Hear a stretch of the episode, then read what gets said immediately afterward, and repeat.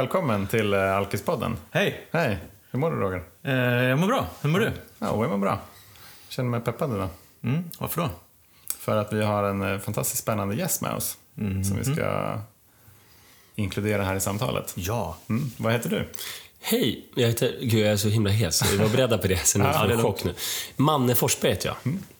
Välkommen. Tack, jätteroligt att vara här. Jag är så himla spänd på det. Jag har ju följt er ett tag och lyssnat på er och det ska bli jätteroligt att vara med. Och det är som att samtalet, vi åt ju frukost här innan, att Ja. man vill ju prata om sitt, sina alkis-eskapader, eller vad man ska säga, och sin, sin nykterhet redan på en gång. Så samtalet har liksom redan börjat vid köksbordet och nu fortsätter det framför, eller in i mikrofonen. Ja, härligt. Det, eh, det, är ju, det är ju roligt att träffa dig nu. Du har ju varit nykter i Tio år. tio år. Och eh, det är härligt för vi vet ju in, ingenting om dina alkis-eskapader. Så det ska bli spännande att få, få, Ja. spännande att få höra om det. Eh, Men eh, du kan väl berätta lite mer om vem du är så här, och vad du gör idag? Alltså, eh, jag jobbar med lite olika saker. Jag är skribent kan man väl säga från början. Fast en extremt lat skribent. Så jag skriver inte så himla mycket. Utan jag skriver några böcker med liksom extremt stort uppehåll. Den första boken som jag skrev heter Kukbruk. Eh, den kom 2004. Den handlar om sex och könsroller. Sen har jag skrivit en bok som heter Pappalogi. Som handlar om att försöka få och vänta och få barn. Eh, som pappa. Och sen så har jag en podd som heter Pappapodden, som jag har på med i fem och ett halvt år. Och så föreläser jag och sådär. Så det är en liten blandad kompott. Och så bor jag i eh, Hägersten, i Mälarhöjden i Stockholm. Och har två barn och är gift. Ungefär så. Mycket sex och barn alltså. Ja, det och väldigt lite rock'n'roll kan vi konstatera. och inte så mycket droger heller då. Nej, nej. Nej, precis. Ja, nej men eh, eh, som sagt, kul att du är här. Eh, och eh, du kan väl köra lite grann om dina, dina eskapader. Vad, hur, hur var det när du var liten? Hur växte du upp? Hur, vart var du på väg någonstans? Hur slutade det? Ja, Och så vidare. alltså du tänker hu- hur jag började dricka och sådär? Ja, men till exempel. Ja, men jag, jag var nog alltid väldigt nyfiken på alkohol. Alltså jag hade starka eh, känslor inför alkohol som barn och ungdom. För att det var det härligaste som fanns och det konstigaste som fanns med alkohol tyckte jag. För att min mamma, när hon kramade mig extra länge och ömt när hon la mig, då luktade hon alkohol de gångerna. Alltså hennes festdoft var alkohol och Chanel nummer fem. Och jag älskade den doften. Och det var som att hon var så här extra gosig. Eh, annars kunde hon vara lite stressad om ville så här på vardagen, nu ska jag kolla på Rapport, så liksom, sov nu. Men eh, när det var fest, Chanel nummer fem, alkohol, extra långa kramar och ingen stress. Eh, samtidigt så upplevde jag så konstiga saker med alkohol som var eh, både härliga och konstiga. Alltså som att man kunde få hur mycket godis man ville. Alltså som att, som att först blev man skitglad. Bara, det var mer pappa som bara, här, fem kilo godis. Man bara, gud, det här är ju hur härligt som helst. Man bara, vänta, han borde ju ändå, nej, det här känns inte rätt att han bara låter den äta fem kilo godis. Det är nog kanske den här liksom alkoholgrejen på något vis. Som också någon gång när jag gick i fyran och skulle åka till skolan på Centralen, jag gick in på Pressbyrån och skulle köpa någonting. Då var det en A-lagare som hade stulit eh, en påse salt och blandat och en påse gott och blandat. Och sen så gav han den till mig och så typ kramade om mig och eh, sa något eh, tårögt om sina barn som han aldrig träffade. Och jag blev skitglad för att jag fick det här stöldgodset. Samtidigt kändes det helt fel att jag fick det också. Ja. Eh, Det kändes både liksom underbart, jag fick godis på en vardag, som jag inte behövde betala för, men också liksom att det här var inte rätt. Så kände jag ofta med alkoholen eh, som barn, att, att, det var, att det ledde till en gränslöshet som ledde till saker som var bra, som tre kilo godis. Men samtidigt var det lite obehagligt också för att det kändes som att det var inte riktigt rätt. Eh, och sen när jag blev lite äldre så eh, var jag skitnyfiken på alkohol. Så när mamma och pappa hade kanske middagar och så, här, så drack jag slattar. Och eh, Drack dem i smyg då? ja, jag hjälpte till. Eh, jag var väldigt hjälpsam, så jag dukade ut och. Väldigt hjälpsam. ja, men det kunde också vara så här att de, ja, det var lite senare, men kanske i högstadiet, att de hade så här glöggfest. Då var det jättemånga flaskor vin. Så då kunde jag ta en flaska vin som jag hade, inte som jag bara satte i mig, utan som jag hade i två veckor i mitt rum och drack mm. högtidligt. Hur gammal var du? Ja, men då kanske jag var 14-15. Ja, ja, men också i den åldern, 14. Alltså mina föräldrar somnade rätt tidigt, så då brukade jag ta så här ett glas, glas punch när jag tittade på ZTV. Så här. Eh, Man kan nästan se det där framför sig. Ett glas punch framför ZTV. 15 år ungefär. Ja, ungefär 15. 14, ja, jag gick i sjuan. Ja, ja 14-15 år. Eh, och det tyckte jag var jättehärligt och gott och man blev så här mm. varm i kroppen.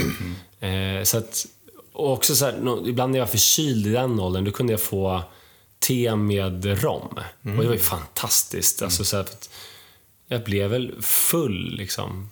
Eh, alltså jag fick mm. det av min mamma. Alltså jag blev väldigt varm och sen blev jag bara väldigt sömnig. Mm. Eh, så att eh, alkohol var positivt laddat för mig. Mm. Samtidigt som det dracks för mycket hemma hos mig. Så ibland kunde det vara så, också i, i högstadie gymnasieåldern, att jag var jätteupprörd över liksom, för mycket drickande hemma. Så att jag började gå med liksom hårda steg till pendeltåget och åka in till stan och supa skallen av mig. för att jag hade druckit så mycket hemma, typ. Mm. Eh, så så det började för mig. Men eh, jag tycker ändå att jag drack... Eh, det var ju konstigt med punch och sådär, men det var liksom inga mängder. Det var inte som att jag satt och söp, utan jag, jag drack något som en ganska vanlig eh, ungdom. Eh, vilket ju är att ibland så går det åt helvete. Jag spydde ner mina utsvängda byxor i Orming när jag skulle med hem nästa dag. Och så här. Alltså det, det är omöjligt med utsvängda byxor. Alltså det stänker liksom så att det är bra fång, fång för spya.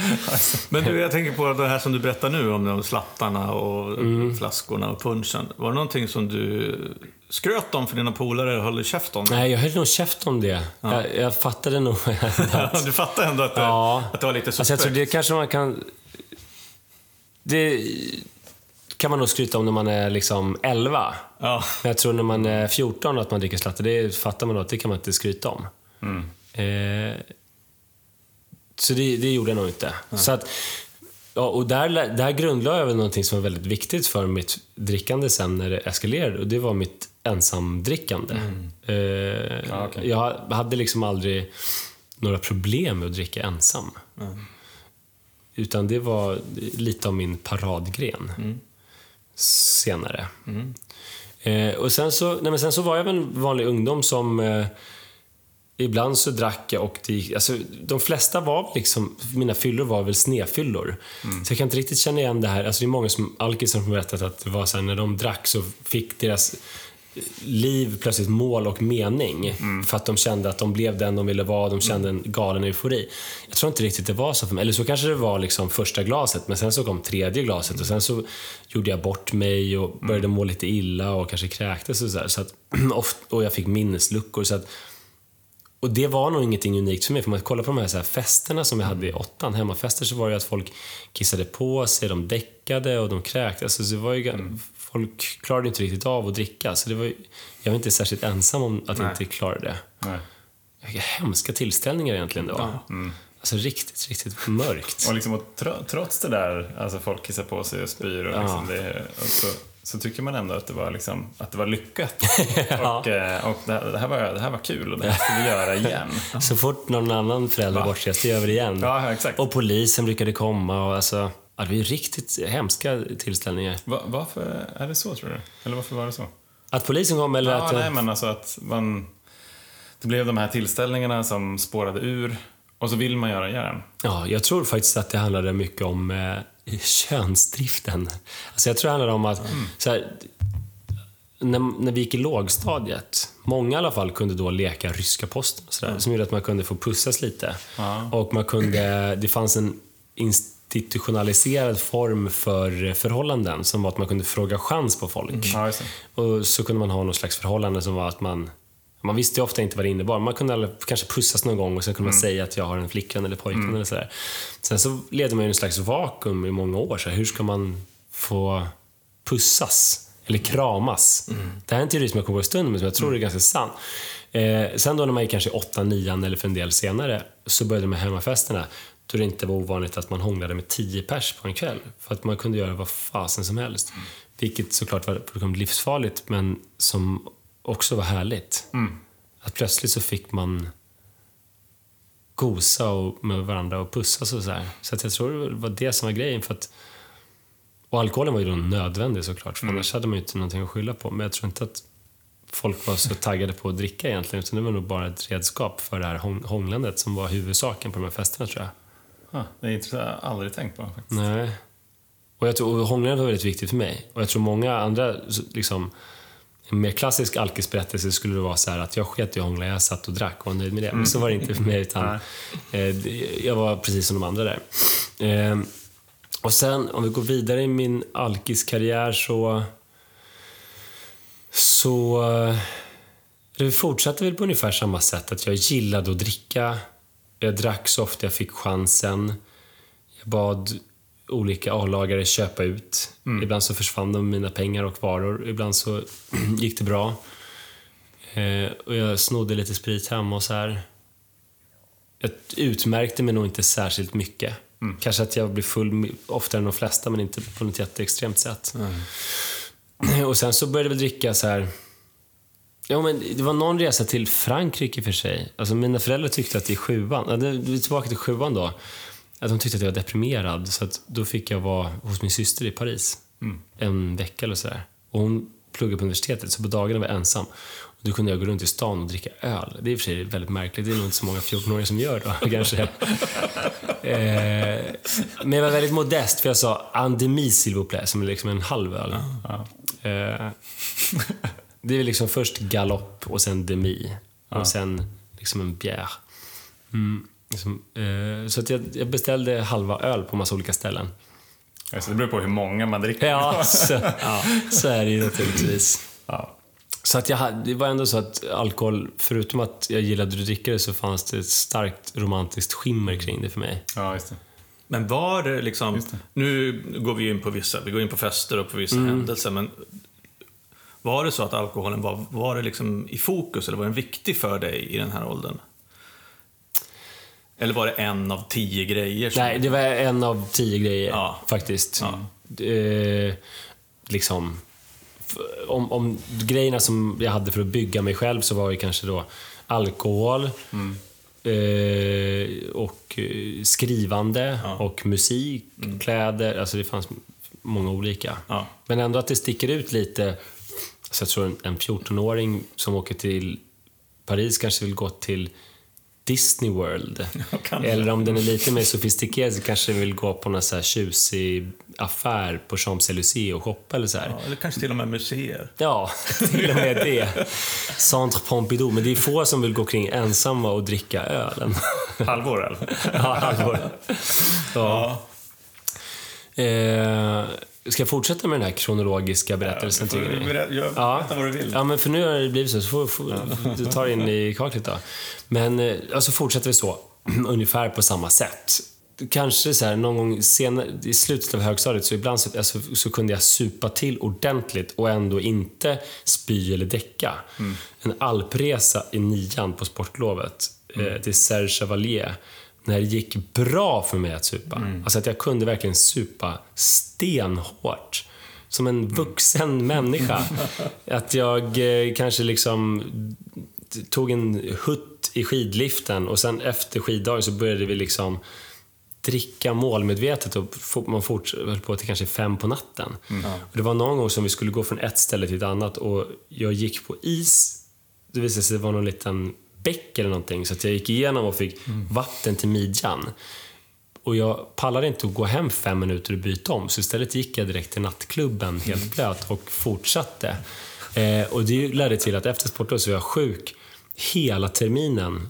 Resten av terminen då så var jag jätte, jättesjuk. Eh, men det var värt det. Jag, Det är liksom både tragiskt och roligt Ja, men eh, så, och, då, och därmed kunde jag känna så här, den här förhöjda livskänslan. Ja, det. Och eh, att, det, att det var så jävla härligt att supa när man fick till det.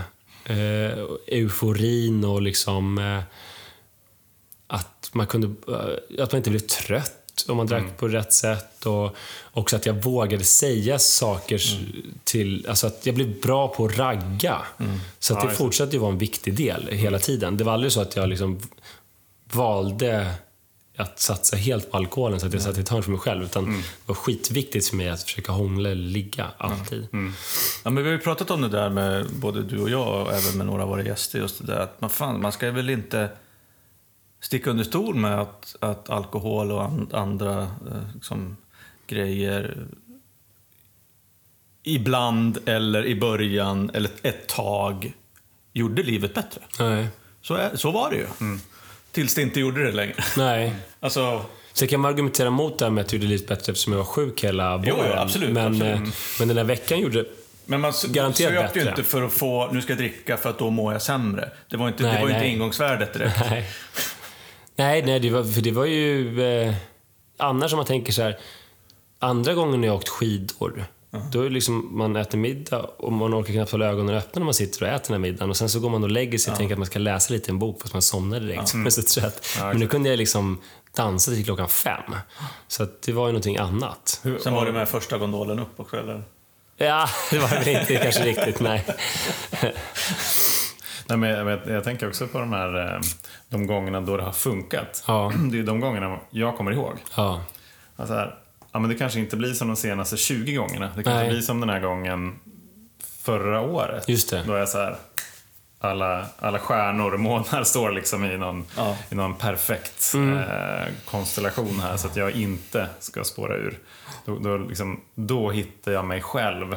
Då kan jag prata obehindrat och jag blir den här sköna snubben som inte går över ja, jag hade inte definierat det så, men att, att jag inte går över mina gränser eller någon annans gränser.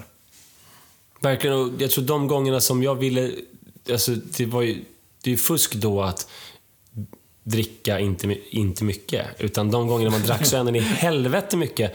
Men för mig var det ofta så att jag började sluddra, att jag bara stod och var helt borta och sluddrade och sen så fick jag minnesluckor. Det var ju då en misslyckad gång, för folk bara oj, det där är en jävligt, jävligt full kille. Eh, och så kunde jag liksom inte uttrycka mig riktigt. Men ibland, kanske en av 20 eller en av 100, då kunde jag dricka alltså en, sjukt mycket men känna det som att jag hade kontroll, vilket jag kanske inte hade. just det. Men, och att jag inte började sluddra så mycket och att jag fortsatte känna mig het fast jag hade liksom satt i mig 15-20 enheter. Liksom. Som någon slags magi, tyckte jag. Men du, berätta om, mer om det här med mm, det här ensamdrickandet och Ja, smygdrickandet. Det- precis. För att sen så... eh, sen- så blev det ju en stor förändring för mig då när jag började få köpa alkohol, alltså när jag fyllde 20. Eh, jag hade ju druckit hela tiden innan, så här, men, men när, jag, när jag fyllde 20, då kunde jag dricka som jag ville. Eh, Jag jobbade som lärarvikarie på en sån här vikariepool och jag bodde ensam i en etta eh, på Vallalavägen i de trafikerade områdena långt nere vid eh, eh, Norrtull. Och Vallalavägen 20. Och det så här skallrade i treglasfönstren när tunga trafiken åkte där. Och eh, jag kunde köpa liksom en flaska vin och dra i mig på kvällen. Alltså så att inte supa, men ändå dricka så att jag kände av det ordentligt. Liksom. Så att jag hade ju kvar supandet, att man kunde gå ut sen på helgen och gå på någon klubb med kompisar. Men då kunde jag ju ja, men, dra i mig en binare. Eller dricka fyra öl i min ensamhet. Ja. Och det tyckte jag verkligen otroligt mycket om. Och sen fick jag, ibland fick jag väldigt mycket ångest över också såklart. Men, men jag gillade det också. Sen, sen, senare började jag föreläsa. Eh, Efter 2004 kom min bok Hukbruk som jag började föreläsa kring. Och då kunde jag också så här, ett annat ensamdrick som jag hade var att dricka på tåg. Att om jag åkte typ från Östersund, då drack jag väldigt, väldigt, väldigt många öl på vägen hem från Östersund. Så att jag blev full. Inte så att jag blev helt galet full, men så att jag blev eh, kraftigt påverkad och varm och mjuk och rund i kanterna och så här. Skönt. Ja, det var det. Jag kommer ihåg de här dagfyllorna som man kunde ta liksom för, Mm. för. Min bästa, min bästa dagfylla, det var när jag irrade runt på hotell Venetian i Las Vegas mitt på dagen, asfull. Fan vad, alltså det, då gick jag verkligen runt och tänkte så här, fan, alltså det här är den bästa stunden i mitt liv. Typ. Ja. Och det här var väl något år innan jag slutade dricka. Ensam. Ja, just det. Jag, och min- jag och min brorsa hade också någonting som vi kallade för bygglunch. Som var att vi käkade lunch skittidigt, halv elva, och att vi drack öl till. Eh, Och då, det, det räckte ju med två stycken halvliters öl så blev man rejält eh, mjuk eh, och rund och glad så här. Alltså det är just, just de här eh, att, att, att konceptualisera eller att göra Ja. koncept Ja, ja. Av, av grejer. Det, det, det, det har vi nog alla gemensamt. Det var ju tur att vi inte träffades när vi var aktiva. eh, men vi hade en sån här grej som vi kallade för den årliga dagsfyllan. Och så satte vi upp regler kring det här. Att den skulle alltid börja innan klockan tio tror jag. Eh, och det var en lördag då. Eh, och så, eh, så skulle vi gå till eh, puben eller baren eller restaurangen som var närmast. Och så skulle vi ta en öl, men inte fler och inte färre. Eh, och så skulle vi ringa en vän som liksom skulle då ansluta till liksom, den årliga. Ja, man började ensam. Nej, det var jag och en kompis som Ja. började. Så gick vi dit och så, och så, liksom, så ringde man då en, en vän och sen så gick vi till nästa ställe och där skulle vi ta en öl, men inte färre, inte fler. Och så ringer man då en till vän och så alla som är där ringer också en vän. Så efter ett tag så blev det liksom ett, ett, ett jävla gäng liksom som, var, som var ute på stan och roaming the streets. Svinfulla efter ett tag. Och eh, jag tror väl att, eh, jag menar de, det, det kan ju vara kul eh, för vem som helst, alltså vara ute liksom, och, Ja, och röja runt en, en lördag. Men jag kommer ihåg att alltså jag var ju alltid den som startade det där då. Ja. Men jag gick också i princip alltid hem sist. Ja. Vilket ju säger någonting. Alltså några kunde ju ansluta ett tag och vara med på så här tre, fyra bärs och sen så, nej men nu ska jag gå och göra någonting vettigt eller ja, sådär. Men eh, jag, har inte, har inte riktigt tänkt på den där dagsfyllan förrän, eh, förrän nu. Ja, men jag känner igen det där med hur att man... Att det var som att jag stack hela tiden ut i mitt drickande. Det var inte alltid jag som blev mest full kanske. Men jag blev alltid näst mest full i alla fall, för det fanns en kille som var värre. Men jag, var, jag, jag tänkte ju mycket på folks drickande. Alltså jag tror de andra var rätt obrydda inför Man har en öl, man dricker lite så här. Man tänker inte på det. Jag tänkte ju på hur jag drack och hur på alla andra drack också. Och hur Ja, de sant. skulle dricka fortare och hur de drack för långsamt. Och att det var jobbigt att jag behövde beställa en öl fast de precis hade börjat med sin. Alltså så Ja, här. just det. Så jag var ju, eh, jag var ju väldigt upptagen av drickande och av andras och mitt eget. Precis, men det är också så där med dimensionering. Jag tänker på, nu börjar jag tänka på, jag och en kompis på gymnasiet, vi anordnade vinorienteringar. Stadsorienteringar. Vi gjorde det några år på raken. Och då så... så ah, vi både anlitade folk och, vi, eh, och näringsställen och affärer för att kunna ställa in flaskor med vin eller gömma flaskor och, så folk fick spela lag då. Men gre grejen är, och det här började ju liksom på dagen någon gång, lördag klockan 12. Eh, och sen pågick det till typ söndag morgon någon gång. Eh, I maj var det. Båda, eller typ två, två eller tre gånger. Och då kommer jag ihåg att, att det så här, ja, men vi måste köpa... Ja, vi bara, ja, men det börjar ju 12 och sen håller det på... Vi måste köpa fyra flaskor vin per person. Jävlar. det, det var liksom... Det var så att vi hade fyra stationer och sen skulle vi åka någon färja ut till någon ö där någon hade någon stuga. Så då skulle de här människorna liksom få varsin, var, det var lagom fyra stycken, de skulle få varsin flaska vin på varje Per station. station. Ja, just det. Det är rimligt. Det är rimligt. Och sen två timmar senare med så här, kom, kom så här, så här 30-40 pers med liksom fyra viner. Och så, det, där var ju, men grejen var att det var ju också så att jag tyckte att det var helt rimligt. Min kompis tyckte också att det var ganska rimligt. Och sen hade jag några polare som också var i den, liksom, de var där liksom. Men just vid, de, just vid de här tillfällena, det finns ju några sådana tillfällen där folk, liksom, lite grann som du, det du pratar om, att man blir mer lössläppt. Man tillåter sig att tappa kontrollen. Och de här vinorienteringarna var ju sådana grejer som det, liksom, de var helt kaosartade. Även för städande människor alltså. Så det, är- men då kan ju de tillåta sig att göra det kanske en gång om året. För, för mig och för oss så var det ju nästan, ja, så, där ville vi att det skulle vara varje gång. Ja.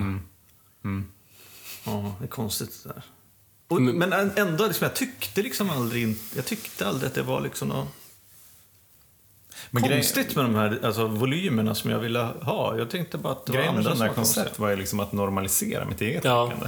Det Alltså, ja, det är kolla, effektivt. alla andra är också med på det här. Exakt. Liksom, Ja, precis. aha, okej, så att, så att om, ni, om ni är med, då har ni accepterat. Ja. Då har ni sagt okej till att jag får dricka på det här sättet. Ja. Men jag hade också, alltså jag hade många olika sorters drickande. En grej var att jag är så här väldigt matlagningsintresserad. Och eh, lagade massa mat till min fru. Jättemånga olika rätter där varje rätt skulle ha sin egna dryck. Liksom. Ja. Och allting skulle alltid inledas med en väldigt stor eh, dry martini. Och det kallas Forsberg dry, Mar- dry martini, för jag är uppvuxen med en dry martini som är liksom de är typ en tolva.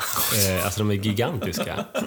För det är så här, som att mina föräldrar har liksom låtsats vara lite korkade. Att så här, ja men glaset är så stort så då fyller man väl liksom upp. Alltså typ Ja, så här, att de inte har tänkt i centiliter alls, utan bara i hur glaset. Ja, det. Det är glasets fel. Ja, det är glasets fel. Eh, Så sådana liksom inleder man. Sen en dryck till varje rätt. Och min fru är egentligen helt ointresserad av att dricka. Kommer inte från någon familj där man dricker överhuvudtaget. Hennes pappa är muslim och dricker inte. Mm. Eh, Men hon tyckte här, gud vad trevligt, massa olika, får man pröva olika sorts vin och här var Ja, någon champagne och här var någon sautern och jättetrevligt liksom. Så att man blir ju ganska bra ambassadör på något vis för drickande. Att jag liksom lärde henne, hon, drack, hon ökade ju sitt drickande med flera hundra procent. Ja. Och tyckte det var ganska trevligt också, att göra det. Ja, exakt. Det, var det som hon tyckte var jobbigt var om, om jag fick panik för att vi inte hade liksom dryck till någon grej. Och hon bara, ja, fast det kan inte så viktigt, så du behöver inte bryta ihop för det. Eh, Det var ju tråkigt, men när vi hade det och jag bjöd på massa olika spännande sorters dryck, det tyckte hon var kul mest. Ja. Men berätta, vad var det som hände då? När, eh, När jag började dricka mer? Eh, nej men, det var ju det ensamdrickandet och sen samtidigt så rökte jag väldigt mycket gräs. Eh, och jag... ja, Jag var väl den yngre 20-årsåldern och eh, jag hade då mina olika sorts drickanden som var att jag... Det var lite olika. På sommaren gick jag ju ut hela tiden. Gick ut jättemycket, hade förfester hemma hos mig och då, liksom, då var det ju okej att jag började dricka med det jag väntade på gästerna till förfesten. just och sen kom de och sen så drack man och sen så gick man ut och drack och sen så drack man hela natten och så var det i princip varje dag. Och jag njöt skitmycket av bakfyllan också för den var ju, jag var egentligen full. Att jag gick omkring på Rörstrandsgatan och kände att jag äger Rörstrandsgatan och jag är så pass påverkad så jag kan ragga på folk på dagen för att jag är så liksom eh, hämningslös. Så att även när jag gick så och käkade frukost på något café dagen efter var en del av min festnatt. ja. Eh, Så jag drack så, och sen så drack jag ensam och sen så det här finare middagsdrickandet. Så jag började samla på mig ganska många sorters drickande och sen blev jag tillsammans med min fru 2006, alltså för 12 år sedan. Och eh, fortsatte på ungefär samma sätt då med henne. Och någon gång så blev det jobbigt att jag blev jättefull när vi var på något ställe. Och vid Vasaparken var vi ett ställe och vi bodde på Kungsholmen på Alsmogatan så vi skulle väl ta oss hem, vad kan det vara, 700 meter över Sankt Eriksbron men hon försökte få tag i en taxi för jag kunde liksom inte gå och hon fick försöka baxa mig över bron och ingen taxi ville stanna. Så. Och hon blev liksom chockad, hur kunde du bli så full? Fast och hon tyckte väl att det var en snedfylla, inte en del av något mönster. Liksom. Eh, och, men jag började mer och mer känna att, att jag var jävligt orolig med mitt drickande. Det kunde ju vara så att hon däckade på fredagen efter en hård arbetsvecka och efter att jag hade bjudit henne på massa olika sorters viner. Eh, Så hon somnade liksom 11. Och sen så fortsatte jag med en flaska Fernet och tv-spel. Eh, och att jag började... Jag hade, i, I en hylla så hade jag massa flaskor och att jag då sparade liksom en halv centiliter i Fernetflaskan och sen ställde den längst bak. Så att jag inte behövde slänga bort. Men alltså, att jag började smussla mer och mer med flaskor. Alltså det var det första, den där att det stod framme ändå, men jag ställde bak Fernetflaskan. Men sen så var det mer i överskåp och sånt där. Och att jag drack, att jag smygdrack till och med när min fru var vaken. Vi flyttade till en annan lägenhet sen där det fanns ett litet rum där jag kunde sitta och så här, spela tv-spel och dricka när hon var vaken. Eller att jag drack medan jag eh, lagade mat. Eh, så att jag hade liksom ett drickande som hon inte kände till, som jag gjorde allt för att dölja. Någon gång hade jag min lilla syster på middag på typ en vardag och märkte efteråt att jag mindes lite dåligt den här middagen. Som var en vardagsmiddag, det var typ någon vegetarisk rätt. Eh, för att jag hade druckit så mycket när jag lagade maten. Så att jag hade lite svårt att minnas exakt vad vi har snackat om och så här. Och det var som att jag hade ju två liksom röster i huvudet. En som kunde förklara att det här var ganska lugnt och att det var som det skulle vara. Och en som blev allt mer och mer orolig. och som gav mig jättemycket ångest över drickandet. Jag behövde sluta röka gräs, för det enda som hände när jag rökte gräs plötsligt var att jag oroade mig för mitt drickande. Alltså, gräset var som en slags sanningsserum. Det hade varit jätteskönt att röka gräs tidigare, men det var det inte längre. För att den enda nojan jag hade kvar var så här, vad fan gör du med ditt liv? Varför håller du på att dricka så mycket? Så då löste det med att sluta röka gräs, det var inte så roligt. Gräset var inte grönare. Åh, fy fan. Eh, Vad härligt. Sen så prövade jag lite vita månader. Det. Och eh, det funkade väl. Eh, men jag drack alltid mer efter de vita månaderna. Man har ju så mycket att ta igen. Ja, verkligen. Och sen så kände jag... Ja, men sen, och det, det var som att jag kunde inte styra mitt drickande heller för att jag försökte bestämma hur jag skulle dricka och sen drack jag på ett annat sätt. Det var någon kväll som min fru var borta på någon middag eller någonting och jag gick och satte mig på kvarterskrog. Och de 30-40 år äldre kvartersalkisarna var välkomnade mig och förstod exakt vad jag var för person. Och så här, jaha, din fru är borta på middag, vi fattar precis. Liksom. Välkommen in i vår gemenskap. Alltså de såg mig som en alkis som dem. Det var verkligen, jag var inte Anna, jag var bara lite, en, en lite yngre variant. Men det var bara så här, kom och sitt här. Och det var jävligt alarmerande. För de var så jäkla dekiga också. Ehm, och eh, det kändes som att min framtid... Alltså jag var dömd att bli alkoholist. Och jag har alkoholister i, i familjen, men som har varit liksom ganska allvarligt. Men det kändes som att jag kommer ju bli ännu allvarligare. Alltså det kommer gå ännu värre för mig. För att de som jag vet i släkten, de har ju inte börjat vid den här åldern på det här sättet. Ja, okej. Också att jag hade en barnlängtan, men jag kände att jag kan ju inte sätta barn till världen med de här problemen. Ehm, så jag började känna att jag måste sluta. Och jag tänkte att jag skulle försöka dricka måttligt. Så jag försökte ringa Maria Beroendecentrum. Mm. Jag fick aldrig svar hos dem. Jag ringde några gånger så här. Eh, och sen så gav jag upp det. Sen bestämde jag mig att jag ska sluta helt. Mm. Jag vet inte exakt, men det var mycket som hade lett fram till det. För jag hade ju fattat länge att jag var alkoholist på något sätt, även om jag inte ville ta det ordet i min mun. Jag hade också sökt mig till nyktra alkoholister. Jag hade dejtat en tjej som jag visste var nykter alkoholist för att hon var nykter alkoholist. Ja, det. Jag hade också slutat dejta henne för att hon var nykter alkoholist. Eh, och jag hade en kompis som nyligen, som ett år tidigare hade, nej, som några veckor tidigare tror jag, så hade slutat. Jag Så att det, det var någonting som jag tänkte mycket på som jag insåg att jag behövde göra. Och eh, sen så... Det var någon kväll som var så här, en ganska typisk kväll och inte extrem på något sätt. Jag hade varit på Tranan med några kompisar. Så här, dricka lite efter jobbet, en vardag. Och eh, folk som är vanliga då, de dricker kanske mellan en och fyra öl eller någonting. Men eh, jag drack mycket mer så att jag stod i någon vardagsrum, att det blev någon slags efterfest, att jag stod och svajade, att jag minns att jag stod och rökte i ett fönster och att folk skrattade åt mig för att jag kunde inte stå rakt och röka, utan jag stod och gungade och rökte. Eh, och nästa dag så hade jag en sån jävla ångest över det. Eh, och då bestämde jag att nu får det fan vara nog. Och eh, så gick jag på ett möte, alltså ett eh, Tolvstegsmöte. ett tolvstegsmöte, precis. Och eh, sen så... Och, Gick du dit själv eller? Ja, det gjorde jag. Och jag var livrädd. För att jag tänkte att alla som är på Odenplan, alla på hela Odenplan kommer fatta att det är ju det jag ska göra här. Eh, för att om man är på Odenplan, då ska man gå på ett tolvstegsmöte. Ja, och sen så gick jag in i liksom den porten och tänkte, oj, alla här fattar verkligen. Sen visade det sig att det var inte den porten, det var bredvid. Men, jag, men liksom, jag trodde alla skulle fatta det och det var jävligt jobbigt.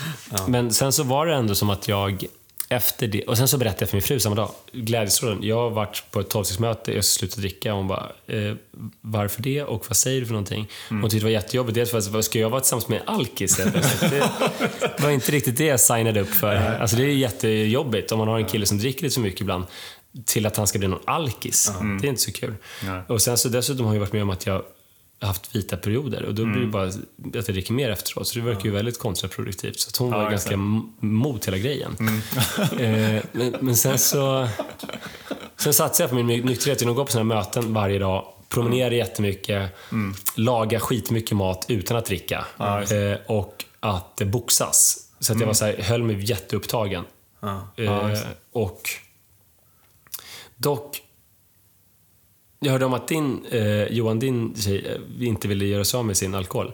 Eh, jag var ju så här Ja, det var ju hennes alkohol tänkte jag. Ja. Men jag, för mig var det så att jag, jag fortsatte gå till systemet. För för mig var det skitviktigt då att visa för min fru att jag inte var någon tråkig nykterist.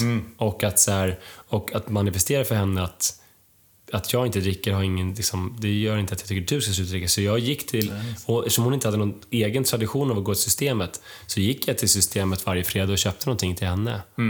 Eh, och så här, om jag hade middagar så köpte jag en massa alkohol till gästerna och sådär. Eh, mest för att visa att jag inte var tråkig tror jag. nu orkar jag inte riktigt göra det på samma sätt. Nej, men så, och sen, sen dess har jag då varit eh, nykter och drogfri. Mm. Grymt. Och det är tio år eh, här eh, för, för, några, För några veckor sedan. för några veckor. Mm. Och jag är, nu är jag ju där, där jag längtar efter vara. För att, sen slutade min lillebror också dricka ett tag därefter. Och vi kom på det, det hade vi glömt eller förträngt några år, men vi hade sagt när vi var typ, när jag kanske var 21 och han var 18 eller någonting, att innan vi är 25 ska vi sluta dricka. Vi hade en pakt som vi hade glömt bort. Men sen så blev det så i alla fall, fast jag hade glömt bort det, att vi båda slutade. Eh, ja, jag var ju 25 och han var lite yngre när han slutade. Ja. Så att det blev så. Smarta grabbar. Ja. och eh, då längtade jag efter att tänk vad härligt det kommer bli när jag har varit nykter lika länge som jag drack. Och det har jag ju Ja, typ nu. Typ nu. Jag började när jag var 14 så det är 11 år och det här är 10 år. Men jag drack ju bara hårt i några år så jag har varit nykter mycket längre än det. Så det känns häftigt. Just det. Hur, vad, hur, ser, eh, hur, hur ser ditt nyktra liv ut idag då? Hur håller man sig nykter i tio år? Ja, alltså... Det... I början så var det ju... Jag var väldigt orolig för eh, att jag skulle... Att man inte vet hur det funkar med nykterhet. Det vet jag kanske inte fortfarande, men att jag är rädd att... Alltså, hur funkar det med ett återfall? Skulle jag bara få någon så impuls som jag inte kan styra? Det känns ganska läskigt att tänka att så här, tänk om jag får en impuls att dricka som jag inte kan motstå om en månad. Vad hemskt. Och jag drömde hela tiden mardrömmar. Nästan varje natt drömde jag mardrömmar om återfall. Och eh, jag vet inte hur... Hur såg de drömmarna ut då? Ofta var det att jag hade glidit in i ett drickande i drömmen. Alltså inte att oj nu råkar jag ta, utan så att jag hade glidit in i ett drickande som var så pass lite så jag kunde säga till mig själv, ja men det här är ju ett undantag som man kan göra ändå, en nykterist. Så att det var så här obehagliga drömmar på det sättet att jag förklarade i drömmen att, att jag försökte försvara i drömmen mitt drickande. Och att jag gärna i drömmarna ville kalla mig nykterist fast ändå drack. eh, ja, hemskt. Ja, Eh, jag förstår. Jag har nog gjort många fel i min nykterhet. Jag har inte jobbat så mycket mer. Jag fortsatte inte med några, något tolvstegsarbete eller sådär. Utan det som var effektivt med, med det, det var att erkänna för mig själv att jag var alkoholist. Och också att träffa massa andra i samma situation. Alltså det var mer att inskärpa allvaret. Det första jag gjorde förutom det, det var att, jag vet inte om det var någonting jag lärde mig där eller något jag hittade på själv, men jag skrev ett dokument i datorn med alla negativa konsekvenser jag kunde komma på. Som, är det någonting som man brukar höra i Det kan man ju få göra. Ja.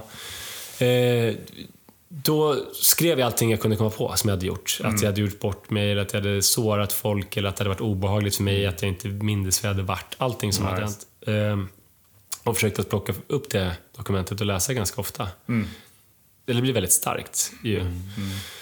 Och sen att jag knarkade den här känslan av att, eh, för fan vad jag är duktig som klarar det här. Men sen så var det som att jag belönade mig väldigt mycket på ett kanske ganska osunt sätt. Att så här, gud, jag sparar så mycket pengar av att inte dricka så nu kan jag köpa skitdyra kläder. Ja, det. är, det är så skönt när det blir så snurrigt. Ja, jag till och med liksom olika tabeller på så här mycket kan jag köpa till mig själv. Eh, så att jag snöade väl in väldigt mycket på konstiga saker. Brittiska skor var härliga att belöna sig själv med. Så här randsydda skor. Och sen också senare så började jag liksom sy upp kostymer och bränna pengar och belöna mig själv. Och sen så blev det också träning. Det blev det ganska snart efter att jag hade slutat. Så hittade jag, först var det boxning och sen hittade jag styrketräning.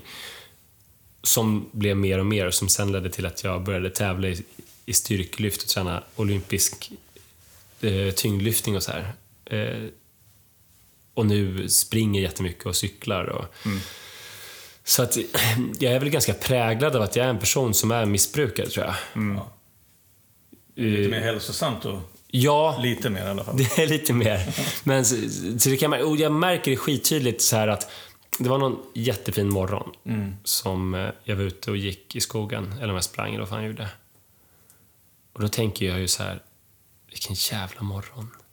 När får jag göra det nästa gång? När får jag vara ute i skogen nästa gång?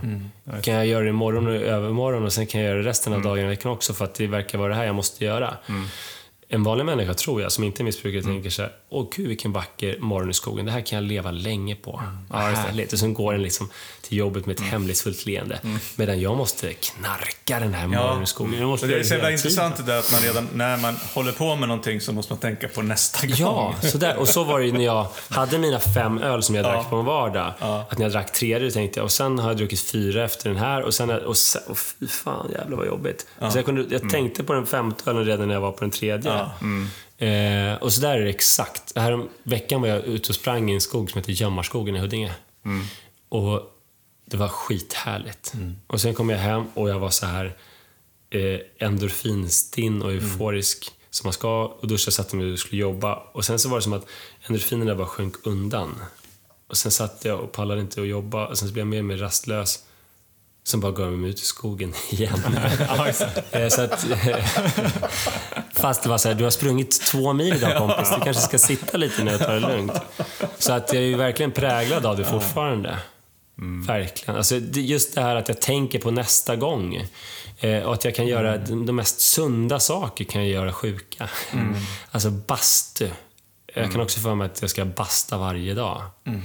Fast så här, men nej, du måste inte basta varje dag, utan det kanske räcker med då en gång i veckan eller någonting. Så, och det kanske är så att om man jobbar mer med sin, hela sin problematik, så jag vet inte, då, då kanske man kan lära sig att inte vara så på något vis. Jag har inte riktigt gett det ett försök. Jag är mer uppmärksam på vem jag är och mina drivkrafter. Men, men jag styr ju inte heller om, utan jag, jag unnar mig det där knarket. Att gå ut i den frostnupna skogen nästa dag också då.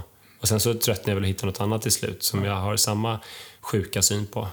Det finns ju säkert massa synpunkter kring det där. Det, det jag tänker det är liksom så här att ja, men, så länge man gör ganska hälsosamma eller nyttiga eller ofarliga saker istället för alkohol eller droger eller sex eller spel eller mat eller vad fan. Alltså, då kan det väl få vara åtminstone mer okej. Ja. Så tänker jag i alla fall. Ja, men jag, jag, jag tänker att jag kommer, nog all, jag kommer alltid vara en beroende person. Och för mig så handlar det om att välja vad jag är beroende av. Eh, om det är saker som är väldigt destruktiva för mig, som alkohol och droger och what not, då, då kommer jag inte leva så länge. Nej. Då kommer jag ju faktiskt att, att, att supa ihjäl mig, helt enkelt. Men jag har haft en sån grej så här, jag började käka så jäkla mycket godis. Ja. För det tänkte jag, men det kan jag i alla fall få unna mig. Och jag har tidigare en, en, en historik där jag, har, där jag alltså har eh, knarkat djungelvrål så pass mycket att jag har fått njursten. Oj! Och då, alltså där, när jag var 25. Och då kan man, det är en konsekvens, apropå konsekvenser, som man då skulle kunna tänka att ja, du ska nog hålla dig borta från det.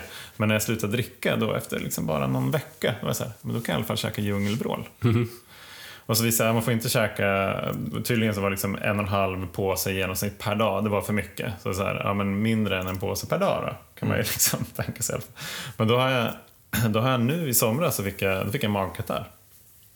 Och det var ju liksom mycket tack vare så här, godis, eh, knarka kaffe på samma, på samma sätt. Ja. Alltså om jag dricker kaffe, då dricker jag 12 koppar kaffe per dag.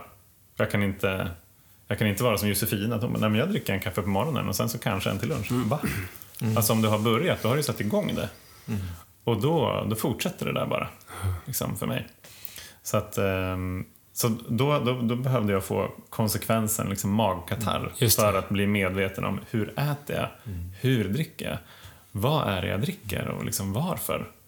Eh, Fan, du blev ganska nöjd med min frostnupna skog. Att ja, knarka ja. den. Absolut. Ja, men, ja, men, Nej, så, men så grej, grejen är liksom så jag, jag tänker på det som du pratar om nu och jag vet ju att jag, jag pratat med min sponsor om också att han, han har ju sagt så att han ungefär som du, liksom att ja, men de, här, de här grejerna som inte är nyttiga, som man kan ja, men överdosera på, socker, Socker, eller, mm. alltså, till exempel, eller, eller skräpmat eller vad fan det nu han, han, han säger så här, ja, jag måste liksom sätta på korken, sluta med de grejerna helt. För han, kan inte, han har sagt så här, han kan inte heller liksom äta en pizza i månaden eller en påse chips varannan fredag. Utan, och det med kaffe och socker och allting. Utan det är bara så här, bara gräver sig rakt ner tills det, tills det, tar, inte, liksom, tills det går åt helvete. Och så, jag tror att det där är väldigt olika. Alltså om man kan, jag tror vissa grejer kanske man kan balansera eller eh, portionera på något vis. Men andra är, det är jävligt svårt. Det, det, för- mig så har jag insett att det handlar så extremt mycket om att så här, kämpa för att behålla medvetenheten.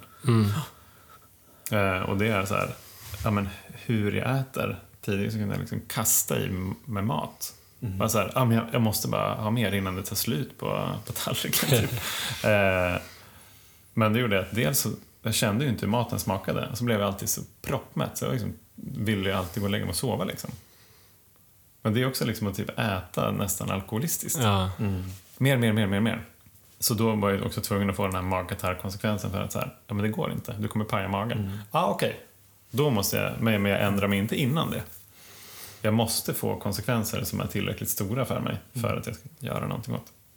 Jag tänker en annan grej som är intressant att ta upp, det är eh, eh, den sociala aspekten. För att om jag Ja, tänker på så här, eh, jag kan ju inte ändå luta mig tillbaka och vara trygg med att jag har mina tio år och att det kommer gå bra för all framtid. För jag känner ju folk som har känt, just, efter, just när man blir bekväm kommer man tänka så här, men fan, nu skulle jag kunna dricka lite grann i alla fall. Och det är en livsfarlig tanke om man skulle få den, så den vill jag aldrig någonsin få.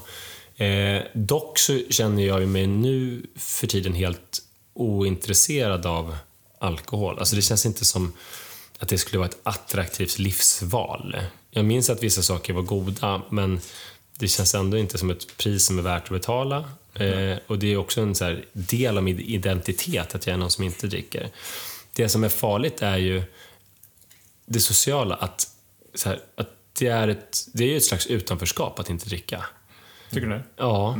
Jag har tänkt på det för att det är någonting som aldrig går bort. Alltså det akuta var ju att berätta för folk för första gången att jag dricker inte längre. Först skyllde man kanske på en penicillinkur och sen till slut så började man förklara för folk att man inte kan dricka. Och de accepterade det. Alltså de som får reda på... Så man får ju höra så att folk så här, trugar och så. Men det är ju med folk som jag säger jag vill inte dricka. Inte folk som säger jag kan inte dricka. Det är ju ingen som säger till mig så här, du borde dricka. Eh, Det är i så fall någon som är alkis och som säger så här, du skulle visst kunna, alltså som hoppas att det är så. Eh, Men så att, eh, så folk har accepterat det och så. Men, men jag, det, det som fortfarande finns kvar, det är att jag blir ju lite mindre attraktiv socialt sett, eh, tror jag. Alltså om man är ett gäng som med helt vanliga människor som inte är alkisar, som till exempel ska åka till fjällen tillsammans. Då kommer jag vara en mindre attraktiv person eh, att ta med. För att även om de ska bara dricka helt normalt så är det lite konstigt med en snubbe som inte dricker. Och om de vill kunna hänge sig åt någon slags alkoholromantik, vilket de måste väl få göra. Typ Glühwein, vad härligt. Det är det bästa som finns efter en dag i backen. Då kommer de bli så självmedvetna och bara osäkra. Vad kan vi säga att Glühwein är det bästa som finns till den här stackars alkisen? Han kanske får ett återfall eller vad som helst. Så att, och det tycker jag är det värsta. Det är typ som så här, om jag skulle bli vegan eller någonting, att folk skulle behöva tänka på vad de sa och akta sig inför mig. Eh, och det var väl därför det var så himla viktigt för mig att köpa alkohol till min fru och till Ja, min omgivning. Eh, för fortfarande så tycker jag så att jag, jag vill verkligen inte att folk ska behöva känna att de är försiktiga kring mig eller så. Eh, och det behöver de heller inte vara. Nej, precis. Men det där var jävligt olika hur det är när man har slutat dricka. För en del måste det kanske vara jätte, jätteförsiktigt och inte finnas alkohol eh, runt omkring. Men också det var någon så här gäng som så här, eh, ja, men också såna gäng som åker och cyklar på Mallorca. Eh, alltså Mallorca är ju väldigt fin cykling och jag gillar landsvägscykling och så här. Där blir jag också väldigt dålig att ta med. För att alla de här cykelgängen, typ, om det inte är ett nyktert alkoholistgäng, de är så här, okej vi tränar hårt men vi unnar oss vin och feta maträtter. För att det är liksom, vi är eh, balanserade människor. Det blir som att jag sabbar ackordet då, tänker jag mig. De kanske inte alls tänker det då. Men, men det blir, ja, så det finns, det är ändå en slags, ett slags utanförskap. Och det är väl hotet det är men- väl men- det som är ja, hotet mot precis. min framtid. Men men det där tycker jag är jävligt intressant, för det, det är mycket av just, just de här tankebanorna, inte kanske precis det du pratar om, men som vi, vi tycker var viktiga att adressera när vi började med den här podden. Att just det där du ska behöva känna att du ska ta ansvar för andra vuxna människors känslor kring Ja. dig. Och de ska behöva känna att de ska behöva ta ansvar för att du inte eventuellt ska... Alltså just det där att det finns... Det, det är så jävla mycket som är outtalat Ja. kring det här med alkoholism och, och tänk, men tänk om och hur, vad, hur funkar det? Och, och just det där att det är, att det är liksom eh, tabubelagt, stigmatiserat och... Eh, ja, men vad fan, det är väl inte liksom självklart att du förstör för någon. Eller att de behöver tycka det. Nej, Så Det behöver inte inte. vara så liksom. Men att det, det blir så för att, för att det är jävligt luddigt och för att man inte vågar liksom prata om det. Och det, och det läskiga liksom någonstans, det är ju så här att även du tycker att det är...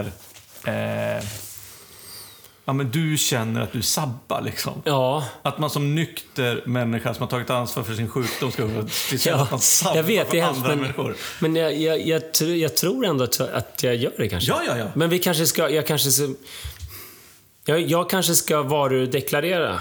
Alltså för att, för att jag vill ändå vara en så bra kompis som möjligt. Som vill... Ja, ja. Alltså, när de, om vi åker och cyklar på Mallorca, jag kanske kan göra något annat destruktivt. Så här, köpa något jättedyrt på nätet. Typ så här. De bara skål, jag bara okej jag ska bara köpa en jävla dyr grej här som jag inte har råd med på avbetalning. Nej, men jag kanske ska berätta för dem så här hur... Eh, hur funkar jag? Men jag vet, inte, vet ni, hur, hur var du Johan, du som är färskast, hur känsligt var det för dig med alkohol och andras drickande i början? Alltså till exempel att du skulle träffa en kompis och det var att ni skulle kanske gå till en bar och du skulle dricka kaffe och den skulle dricka en öl eller hem till någon där det är middag med alkohol. Ja, men jag gjorde ju eh, första, första kvartalet, eller halvåret i alla fall, då var det extremt viktigt för mig att jag inte, att jag inte var, var tvungen att välja bort de här sakerna som jag gjorde när jag var aktiv. Ja. Så till exempel, jag tycker det är jättemysigt att gå till, eh, till Bishops Arms och sitta där en, en onsdag kväll liksom med, med grabbarna. Det är klart att jag ska fortsätta göra det. Just det. Ehm, och, och, och, och tyckte på riktigt att så här, men det här är en ganska bra idé. Jag, är nog ganska, jag har ju ändå varit nykter i eh, två månader. Så jag, kan väl, eh, jag kan väl sitta där och ha liksom massvis med öl runt mig och de sitter där och så här, det enda jag tänker på var så här, hur var det förr? Och pina i mig så här fem cola eh, där inne. Det gör jag ju inte längre. Eh, utan då jag, eh, jag... Jag kan absolut möta upp och, och liksom ta, ta en cola, men jag, men jag sitter ofta inte ute på, på pubbar. Liksom, med- Nej. Sådär. Eh, utan jag föreslår hellre att vi tar en promenad eller att vi går och fikar. Eller, eh, mest för att jag tycker nog inte att det är så kul. Det är ganska, det är ganska skränigt. Jag blir trött. Eh, jag, jag tycker hellre att samtalet förs, förs bättre liksom, i andra miljöer. Ja. Och om jag är där för att träffa mina kompisar och inte för att det är inte så att de har mycket bättre cola på, på Bishops Arms än vad de har på Wayne's Coffee. Ja, Om de har bättre kolla det så ska du dra den åt dig. Då är det något Ja, precis. Då då. exakt. Eh, exakt. Nej, men jag tror att jag ehm, är helt enkelt inte så, så intresserad av, av pubbar där jag spenderade så extremt mycket tid förut. Nej. Jag kan tycka att jag, jag kan vara lite mer som du, fast jag... Alltså, eller jag... eh, Jag brukar snarare uppmuntra folk att dricka. Ja. När jag är i sällskap där liksom så här... Nej men fan alltså, ta, är det någon som ska ha mer? Liksom, jag går och häller upp. Så på middagar, liksom så här, ja men det finns, eh, finns en vit här, det finns en låda med rött, liksom, någon som ska ha fördrink, öl, vi har här liksom. För att jag vill ju också, jag vill ju samma sak som du. Bara Att, precis det som du var i början, men så, så kan jag vara nu. För att för jag tänker så här att det spelar ingen roll hur mycket jag säger att det inte gör någonting. Nej. Därför att folk kommer ändå inte att, att tro på det. Utan det är också så här, men genom handling så visar man ändå... Och det liksom är inte att så konstigt. Alltså, det blir en slags varudeklaration. Ja, Och, alltså, vi hade folk hemma på nyårsafton och vi hade så här, så här musikquizkväll. Så vi satt uppe så här. Och till, jag gick och la mig liksom, först av alla klockan halv sex på morgonen. Och de andra satt uppe liksom, kanske en eller två timmar till. Och då... och då, alltså, i mitt huvud i alla fall, så här, nu var vi inte så jättemånga, men alltså, det, det var ingen skillnad på dem och mig. Fast de sov jättelänge på, på dagen efter och var, och var bakis. Liksom. Det var inte jag. Alltså, men ändå så tycker jag att, att eh, jag vet inte, jag, jag, jag, det är klart man gör ju inte de här, man, man, man, man, eh, man hånglar inte med fel person. Nej. Man sparkar inte sönder de här glasrutorna, man snor inte de här cyklarna. Liksom. Fan, vad alltså, ja, det, finns ju, det går ju en gräns någonstans, men jag tycker ändå att, att eh, jag är ju inte obekväm med att eh, ha kul och tappa lite kontroll nu för tiden som nykter. Det är jävligt spännande kan jag tycka ibland. Att, liksom här, uh, att låta sig liksom bara, "Nej, men det här är inte pinsamt. Eller det här är helt normalt att springa och skrika eh, liksom, på trottoaren liksom, eh, på, eh, så här, en, klockan runt midnatt. Som göra såna grejer som man inte tror att man kan göra när man är nykter. Ja. Det är dock, det, det jag fortfarande inte kan göra, det är att dansa. Nej, det kan inte jag heller göra. Det, det är ganska intressant. Jag har ju faktiskt lärt mig, alltså jag, jag dansade aldrig när jag var aktiv. Nej. Jag var ju den här killen som var så här, jag är inte här för att hålla på och dansa eller ragga eller hålla på, alltså jag är här för att dricka. Ja. Det är bara waste of time. Eh, så att eh, gå, gå och dansa ni, då, får jag, då blir det mer plats i baren för mig. Så det liksom tar det inte lika lång tid att beställa ungefär. Och sen så, så är jag liksom hela, jag, jag vet inte om det är därför jag har matat mig själv med så här, jag är en kille som inte dansar och jag är en kille som inte kan dansa. Därav. och den har varit med hela livet tror jag. Har de varit ganska blyg liksom innan sådär också. Men, eh, men, eh, men så då, eh, det, det upptäckte jag förra, förra sommaren, så sommaren 2017 var vi på, på en festival. Och då liksom många kompisar som är DJs och, och sådär och så står vi där och så, så märker jag liksom att så här, jag står och dansar med de här människorna och tycker det är ganska skönt. Och så säger jag till en kille, till mina bästa kompisar Ebbe, jag bara, alltså jag kan ju dansa. Han bara, ja, det är klart du kan liksom. Vad är du för jävla idiot som trodde att du inte kan dansa? Så här, ja, men jag har alltid trott det. Jag tänker på det här med varudeklaration och sen så, vi pratade Mm. lite grann eh, när vi käkade frukost innan. Du frågade så här om du brukar kalla dig för nykter alkoholist. Ja. Och då sa du, ja, fast inte så aktivt. Nej. Ja, men liksom just det där... För att jag kan ju tycka så här att i och med att vi håller på med den här podden och i och med att vi gör det så, så blir det. Just nu så är det en jätteviktig del av min identitet. Ja. Att jag är nykter alkoholist liksom. Därför att det är... Ja, men jag tycker det här är kul det vi gör och jag liksom går på möten och, och vi håller på med, och med det här och jag jobbar med mig själv och så. Så det, det känns som att det, ja, men det är lite så här som man brukar säga inom gemenskapen, det viktigaste först. Liksom. Och då blir det en ganska stor del av, av min identitet. Men nu har du pratat om här om här eh, sociala svårigheter och liksom så här varudeklaration. Och, är du öppen på fråga, när, när du får direkt fråga eller brukar det inte så att du alltid skyltar med det? Så Nej, Men alltså, jag säger nog inte... Det är nog bara i så här tolvstegssammanhang som jag har eh, kallat mig alkoholist egentligen. Eh, eller om jag pratar med någon annan alkoholist. Alltså, Och sen så... Men alltså det, det är ju ett ord som stämmer in på vad jag är. Så det är inte en felaktig beskrivning. Nej. Men jag tror att det kanske är... Det är kanske ett ord som är för svårt att använda eh, i dagligt tal. Eller onödigt. Så att det brukar väl vara, vara så här att att folk frågar... Alltså det kommer upp så här... "Ja, Ska du inte dricka? Nej, jag dricker inte. Nej, var, varför, varför då? Och så säger jag så här, men jag har druckit skitmycket förut. Alltså, du har haft problem? Ja, jag, precis. Jag har haft eh, problem med drickan, så jag kan inte dricka. Alltså, så att jag säger något explicit. Jag är alkoholist. Nej, jag säger nog inte det. Eh, jag kanske gjorde det mer förut för att det var, ju, det var så viktigt att inskärpa för mig själv allvaret då. Så då var ju väldigt betyd... Då var det ett väldigt viktigt ord för mig. Eh, nu är nog missbrukare ett ord som jag oftare använder, bland annat för att alkoholist är ju någonting som jag har slutat vara. Alltså för att jag inte är en aktiv alkoholist. Men missbrukare har jag ju fortsatt vara. Eh, Alltså nu missbrukar jag kanske en frost- frostnupen skog då. Så att det säger mer om vem jag är nu. Ja. För att jag tycker inte att jag eh, arbetar aktivt med min nykterhet riktigt heller. Utan kanske i så fall om det är någonting jag arbetar aktivt med så är det väl mina missbrukstendenser som är mycket mer inriktade mot andra saker. Så att, det, det, det är en intressant fråga att ta upp för att jag inte som... eh, Per-Olle Enquist har ju skrivit en bok som heter Mitt andra liv, som en biografi som handlar om hans drickande och nykterhet. Och där har han skrivit om att han vänder sig mot ordet alkoholist. För varför ska någonting som han har slutat med definiera vem han är nu? Det tycker han är så här orättvist. Ehm, och det är en intressant syn på det tycker jag. Men jag är inte så att jag väljer bort det ordet eller tycker det är dåligt. Utan det är nog bara att det är, in, det, det är inte det bästa ordet eh, för mig. Inser när du frågar, men jag har inte tänkt på det riktigt innan. Nej, nej, men jag, alltså, jag, har, jag kan väl... eh, För mig spelar det ingen roll vad du säger, höll jag på att säga. Nej, men alltså, det, det, som jag, det som jag tycker är... Det som jag tycker är lite fascinerande ändå, det är ju att, eh, att du fortfarande efter tio år, liksom, tio år ändå har lite så här betänkligheter kring, Ja. kring vad folk tycker.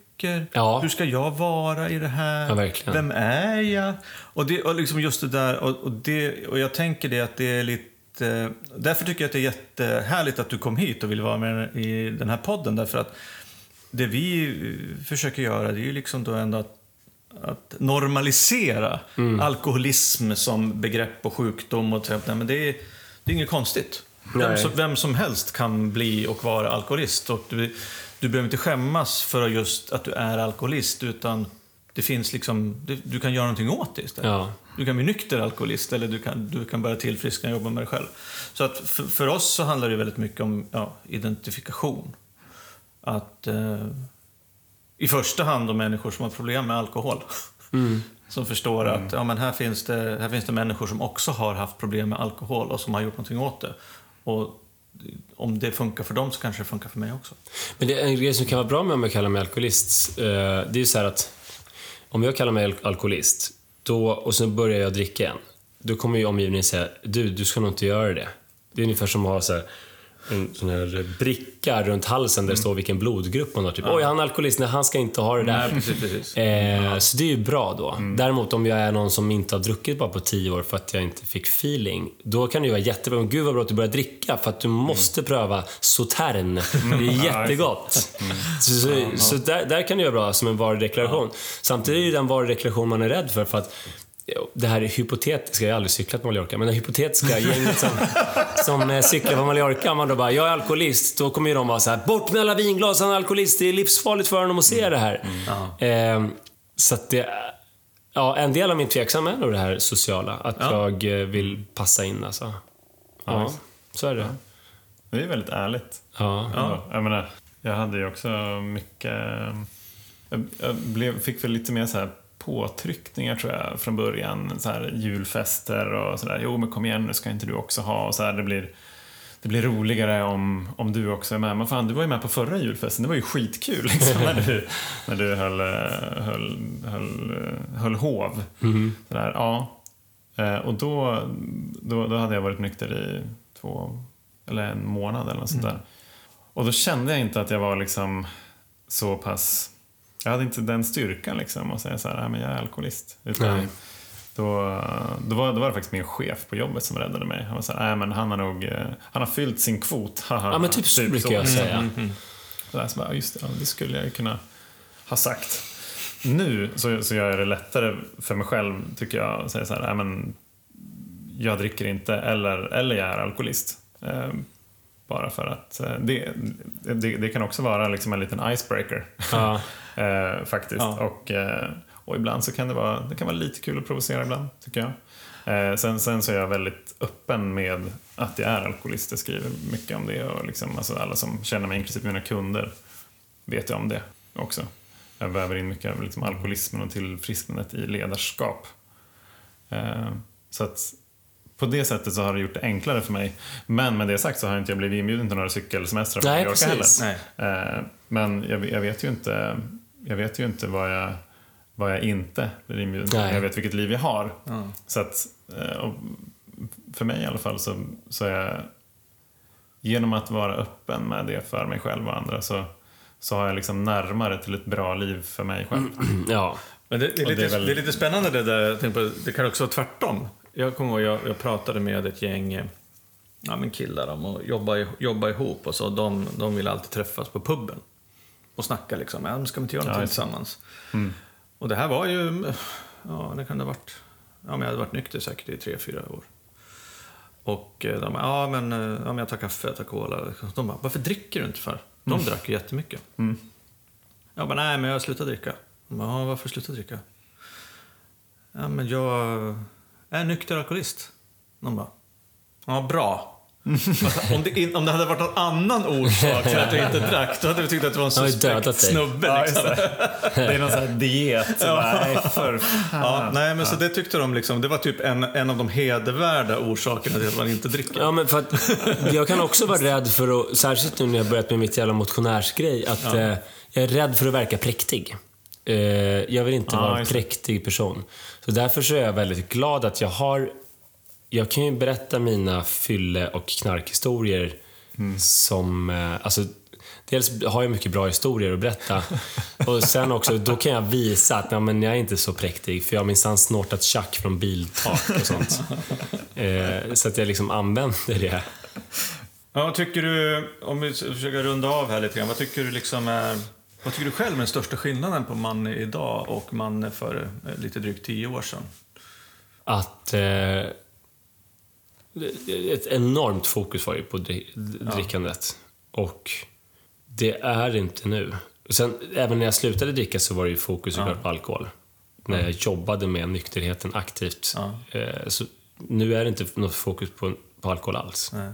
Och det var det som var mitt mål. Också så att, det var därför jag kände själv att det var bäst att sluta helt. För att jag insåg att om jag skulle försöka dricka måttligt, även om jag skulle lyckas, så skulle ju alkoholen ta lika stor del av mitt liv. För jag skulle behöva tänka på det och anstränga mig och så här. Eh, så målet var ju att få bort alkoholen från mitt liv. Eh, och nu har jag ju typ lyckats. Jag behöver inte tänka på alkohol. Vad, vad tycker du, vad, under den här tiden, vad tycker du har förändrats mest? Alltså fysiskt, mentalt eller känslomässigt? Eh, alltså, vilket av de tre? Känslomässigt, fysiskt eller... Mentalt. Alltså det, är så, det är faktiskt omöjligt att säga, för att jag är en helt annan... Alltså på ett sätt så är jag ju exakt samma person, att jag är lika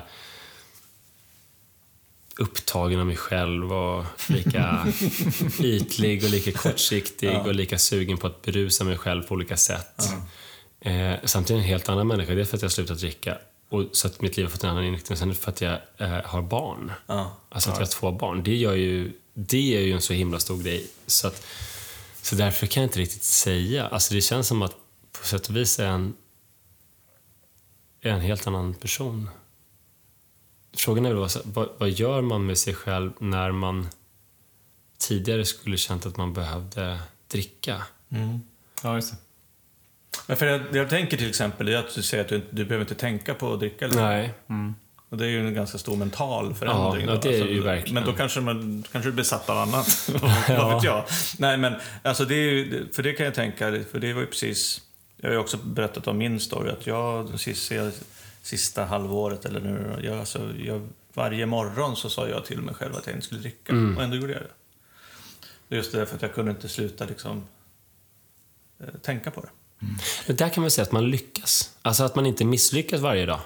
Det är väl en jättestor grej. För jag hade ju också ambitionen, och då kanske det var att inte dricka alls eller att inte dricka mer än si så mycket. Så att man eh, gjorde ju liksom våld på sin egen Ja. vilja hela tiden.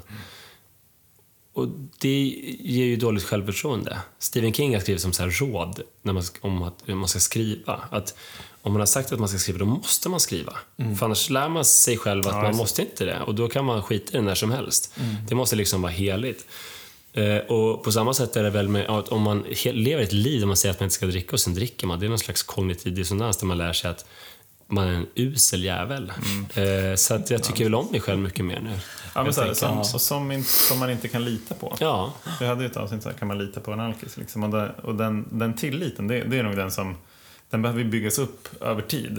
Eh, den är ju, var ju liksom verkligen på botten för min del. Alltså, det, vem, är den här Johan egentligen? Och så här, alltså hur du kände inför dig själv. ja, precis. Ja. Exakt. Tilliten till mig själv och, och med det också tilliten till andra eh, var ju ganska körd i botten. Men, men jag märker att så här, ju mer jag kan lita på mig själv, desto mer tillåter jag mig själv också att lita på andra. Ja. Eh, så det blir ju en... Känslan av trygghet tror jag liksom ökar successivt. Ja. Vad tog du med dig Roger? Du, jag tar med mig det här att, eh, att det är så... Ja, men att det finns så starka, starka tabun och st- stigman kring det här fortfarande. Att man efter tio år att man fortfarande är tveksam till... eh, och det, gäller, det är ju bra att du tog upp det. Jag tycker det är jättefint att du tar upp det på det sättet. Men alltså det, vi har ju också pratat om det här tidigare. Att jag hade ju inte gått ut egentligen öppet med att jag var alkoholist förrän vi började med podden. Och det är ju liksom... Då hade jag tio och ett halvt år. Liksom ändå att det finns de här tankarna kring hur fan vad ska folk tänka? Man vill inte vara liksom en partycrasher liksom, och förstöra människors liv. Även efter så lång tid. Och du som då eh, ja, men har, har hittat liksom ett liv där det är mycket av...